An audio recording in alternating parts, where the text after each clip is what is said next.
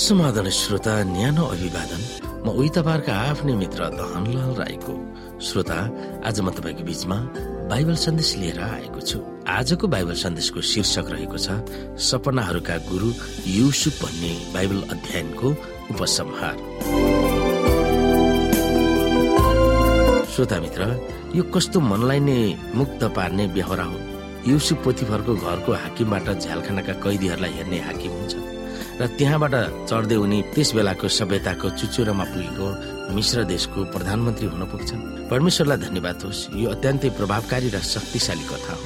अत्यन्तै विषम परिस्थितिलाई पनि परमेश्वरले सबैको हितको निम्ति परिवर्तन गर्नुभयो। कतिपय समयमा जब हामी दुःख कष्टको सामना गर्छौँ त्यस बेलामा पनि परमेश्वरका आज्ञाहरूलाई कसरी पक्रिराख्ने जब उहाँ चुपचाप रहनु भएको जस्तो अनुभव हामीले गरे तापनि। यो अवस्थामा युसुफ र दानियल आफ्ना घरहरूबाट अलग गरिएका थिए।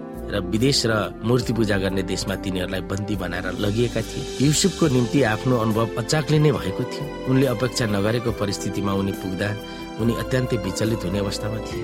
आफ्नो बाबुको घरमा बाबुको मायालु छोरो भएको र पोतिफरको घरमा दासे भए पनि सम्मानित भरपर्दो साथी हुन पुगेको थियो। आफ्नो अध्ययन र खोजी नीतिमा तल्लीन भएर मानिसहरूसँग हेमचेम गर्छन्। र मानिसहरूसँगको कारोबारमा चाहे पुतिफरको घरमा होस् चाहे झ्यालखानामा होस् आफ्नो कुशलता उनले देखाउँछन्। राष्ट्रिय कारागारमा उनी अन्यायपूर्ण कैदी बन्न पुग्छन्।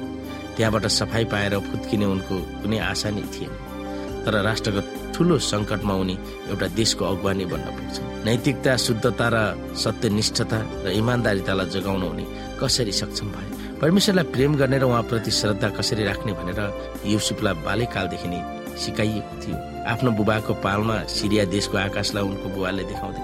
बेथेलमा देखेका स्वप्न दर्शनको बारेमा उनलाई सुनाउँथे। कसरी उनले सपनामा आकाशै छुने भर्याङ देखेका थिए र त्यहाँ स्वर्गदूतहरू तलमाथि गरिरहेको र भर्याङको टुप्पोको सिंहासनमा रहनुहुने परमेश्वरले उनलाई बोल्नु भएको अत्यन्तै रोचक कथा युसुफले बारम्बार सुनेका थिए। अझ थपमा नदी याबुक नदीको किनारमा अत्यन्तै चिन्तित हुँदै पश्चाताप गर्दै प्रार्थना गरिरहेका बेलामा स्वर्गको जीवनसँग कुस्ती खेल्दा उनी जितेको र परमेश्वरको राजकुमार भन्ने दर्जा उनी पाएको कथा पनि युसुफको निम्ति प्रेरणादायी भएर उनको दिमागमा बसिरहेको थियो। बुबाका भेडाहरू चराउने गोठाला युसुफको जीवन साधारण र निर्दोष थियो जसले गर्दा उनी शारीरिक र मानसिक आयाम विकासमा लाग्न सक्ने भएको थियो। प्रकृति र बुवाले सिकाएका महान सत्यतिर ध्यान गर्दै परमेश्वरसँग प्रार्थना गर्दथे। बुवाबाट पाएको सत्य आत्मज्ञानलाई आत्मसात गरेकोले उनको दिमागमा सत्य नीतिहरू गहिरोसँग गाडिएका थिए। जब अन्यायपूर्वक बेचिएर यात्रा गर्दा कनानमा रहेको आफ्नो बालकालको घर उनले अन्तिम पटक हेरेका थिए। उनलाई थाहा थिएन मिश्र देशमा उनको भविष्य के हुने। हो तर पहाडहरूले छोपेका आफ्नो बुबा र आफन्तहरूको पालहरूलाई गहभरि आँसी चुहाएर छोड्नु पर्दा युसुफले उनको बुबाको परमेश्वरलाई सम्झिरहेका थिए। उनले बालकालमा सिकेका पाठहरू सम्झेर जे भए तापनि आफू स्वर्गको राजाप्रति वफादार भएर बस्ने निर्णय गरेका थिए। परमेश्वरकै नीतिमा चलेर उहाँको सत्य र निष्ठावान भक्त बनेर प्रमाणित गर्ने अठोट उनले लिएका थिए। अन्तिम श्रोता युसुफको जीवन दानियल र यीशुसँग तुलना गर्न सक्छौ हामी। तिनीहरूमा के साझा गुणहरू छन्?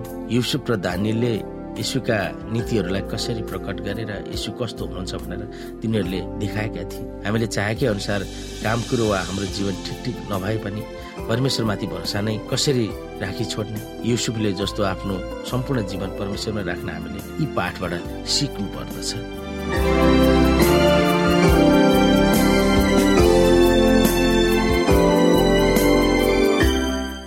श्रोता साथी आजको लागि बाइबल सन्देश यति नै।